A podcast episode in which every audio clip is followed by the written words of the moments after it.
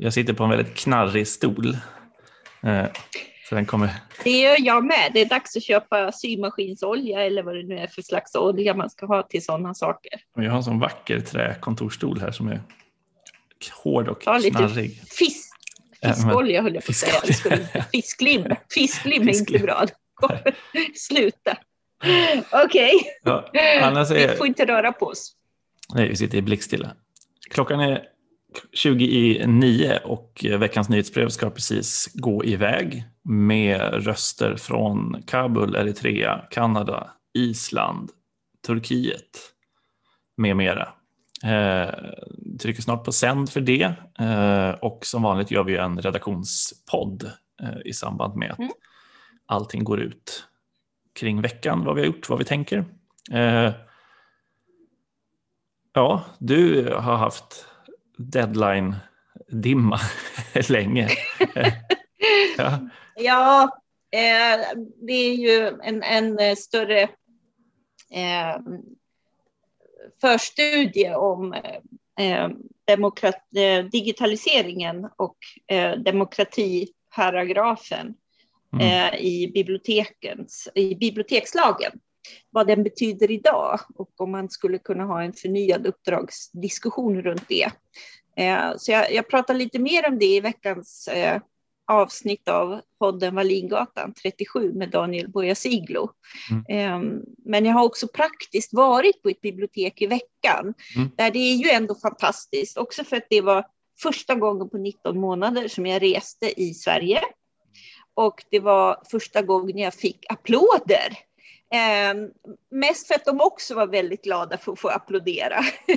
Eh, Så här, 20 personer som kommer klockan sju för att höra om algoritmer och filterbubblor.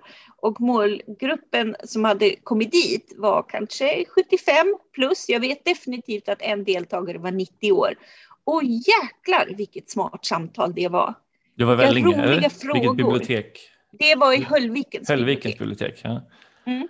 Shit. Tidigare på dagen hade jag varit i Vellinge och träffat elever och pratat om eh, mediers utveckling också. Mm. Men det här var så, det var så fint på så många sätt och vis, både för att man har, och just den här känslan, alla har ju, verkar ju under pandemiåret har försökt förfina sin teknik, så allt är ju nytt, alla mickar, allting testas för första gången också. Eh, det har jag hört med sådana som har bokat på här framöver också, att de är väldigt oroliga för hur tekniken ska funka. Så det var liksom, Mhm. alla var väldigt ovana och lyckliga samtidigt. Och dessutom med ett ganska så komplicerat ämne. Och, och 20 är ändå tillräckligt många så att man vågar fråga, men varför har ni kommit hit? Det är ju fantastiskt att ni är här. Mm. Och det klockrena svaret kommer, det är klart att man vill förstå vad alla pratar om. Mm.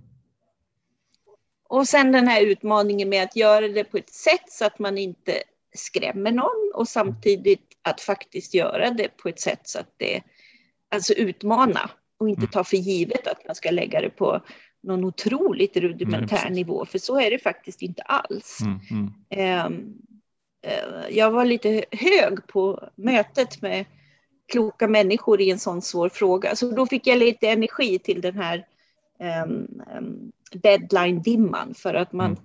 funderar ju ibland vad man gör. Är inte det här ett digitaliseringståg som bara går på ganska bra ändå? Men det är ju inte så. Så jag har försökt samla tankar om det och det är ju en av sakerna jag ska göra på Bokmässan i slutet på veckan Det faktiskt, den förstudien ska smygsläppas. mm. Jag minns när du pratade om de sakerna på Bokmässan för väldigt många år sedan, eh, då poletten trillade ner. Och det var ju när du i ett seminarium diskuterade just digitaliseringens liksom utmaningar, som, men på samma sätt som läs och skrivkunnigheten.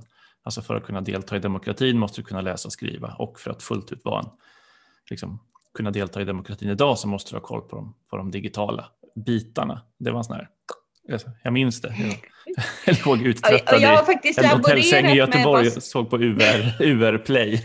när du bara, Ja, bara just klick. ja! så trillade polletten ner. Det är det där. Det är så det. Ja, det var så här, aha. Eh, Men jag har tänkt i relation till att man liksom lite fastnar i det här handhavande introduktionen så har jag funderat på, det måste ju finnas en jämförelse däremellan. Det kanske ska jämföras med, med att man fortsätter att läsa pekböcker eller någonting. Mm. Att man liksom, att det är, det är ju bara att ha, ha knäckt själva koden, men att det sen ska utvecklas och förstås i ett större perspektiv eller Mm. utmana sig i tänket runt innehållet, men kanske också eh, boken i sig Mm. är kanske applicerbart på de här andra frågorna som måste diskuteras nu. Mm. Men det är ju brännande. Så Mm. fort man pratar demokrati blir det ju politiserat. Mm. Mm. Och det är ju det som är utmaningen. Mm. Ja, jag också Så det blir spännande. Ja, igår var jag föreläste, premiär. Senast var i februari 2020. Det är ju helt galet.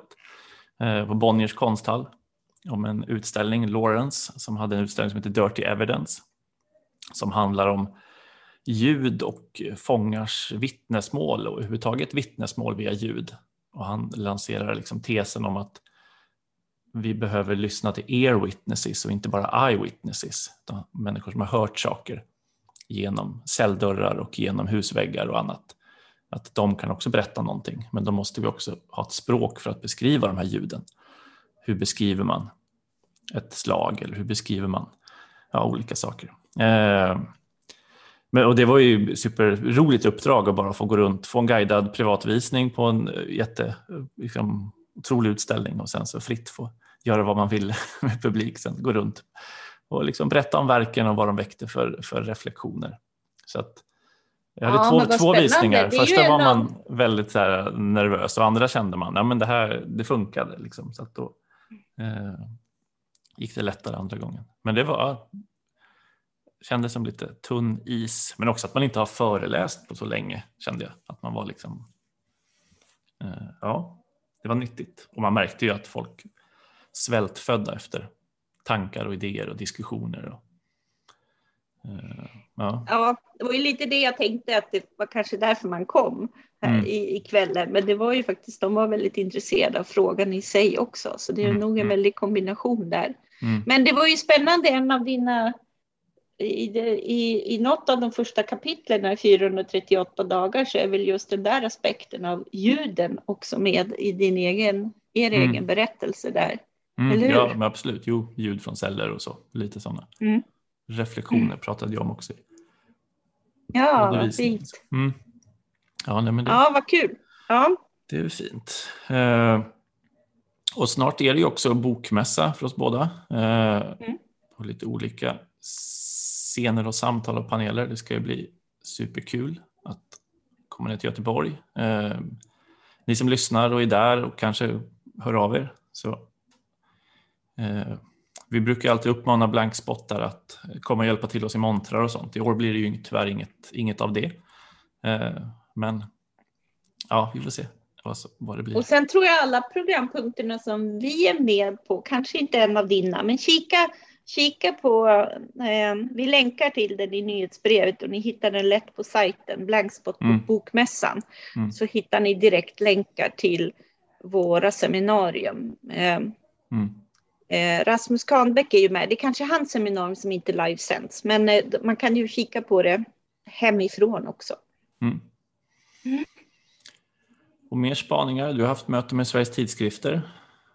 Något Ja, rafflande första... Pappers, pa, det är pappersbrist kom det ropade redaktionen. Alla bara what? Ja, jag kände, jag, Ja. ja, jag, kände att jag fick en förklaring till tryckerier som har duckat för tryckerier av våra affischer. Ja. Eh, men ja, det var det tydligen och papperspriset ska gå upp. Jag kände mig att jag lever i en bubbla som Mm, inte mm. känner till eh, detta.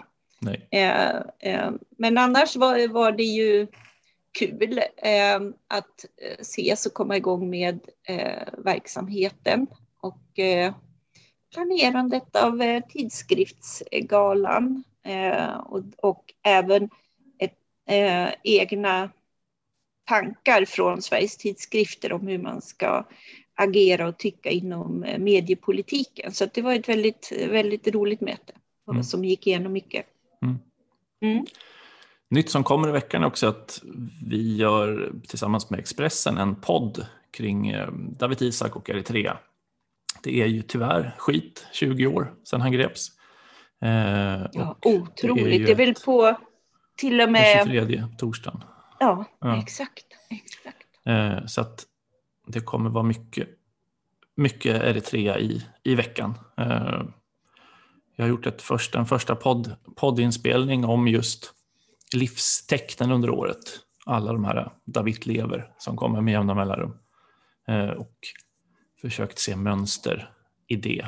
Men också för att ja, få den frågan bort från bordet. Att, eh, ja, det, som möter, det som möter den från allmänhet och annat, den, så kommer ju den frågan upp. Men hur kan man veta att det är så att säga, värt att, att fortsätta kämpa?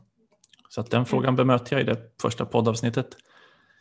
Eh, och ja, sen blir det flera. Jag fick precis in en spännande text av Donald Boström eh, som ju också har varit initierad David och Eritrea-kännare i många, många, många år som vi kommer publicera i veckan. Så att, ja, det blir mycket fundera kring Eritrea och David tror jag. Mm. Eh. Men det är väl mer att det här blir ett litet startskott till att eh, poddmässigt regelbundet mm. bevaka ja, frågan. Du ja, det, det är det man har känt saknas. Liksom. Ja. Årsdagen och tittar man tillbaka så det skrivs jättemycket i september om David Isak och Eritrea och sen resten av året inte så mycket. Vi försöker ju med de resurser vi har på Blankspot att bevaka Eritrea och Hornet. Och gör ju så liksom veckovis men det hade varit fint med en, med en podd känner jag som också nyhetsmässigt kan fånga upp konferenser, uttalanden, små nyheter. Att hela tiden liksom, vill man ha det senaste om vad som händer i regionen och vad som mm. kan ha bäring på fallet David så kan man lyssna på den podden sen framöver. Eh, ja, men det kommer... Kul, då har vi tre poddar. Ja, det är, men det är ju det, ljud. Alla går åt ljud, mera ljud. Ja, mera ljud. Vi följer trenden. Ja. ja. Ja. Med de orden och sen, så... Eh, Nej. har vi klarat av. Fick vi med allt som vi hade tänkt? Ja, det kanske vi fick. Mm. Mm.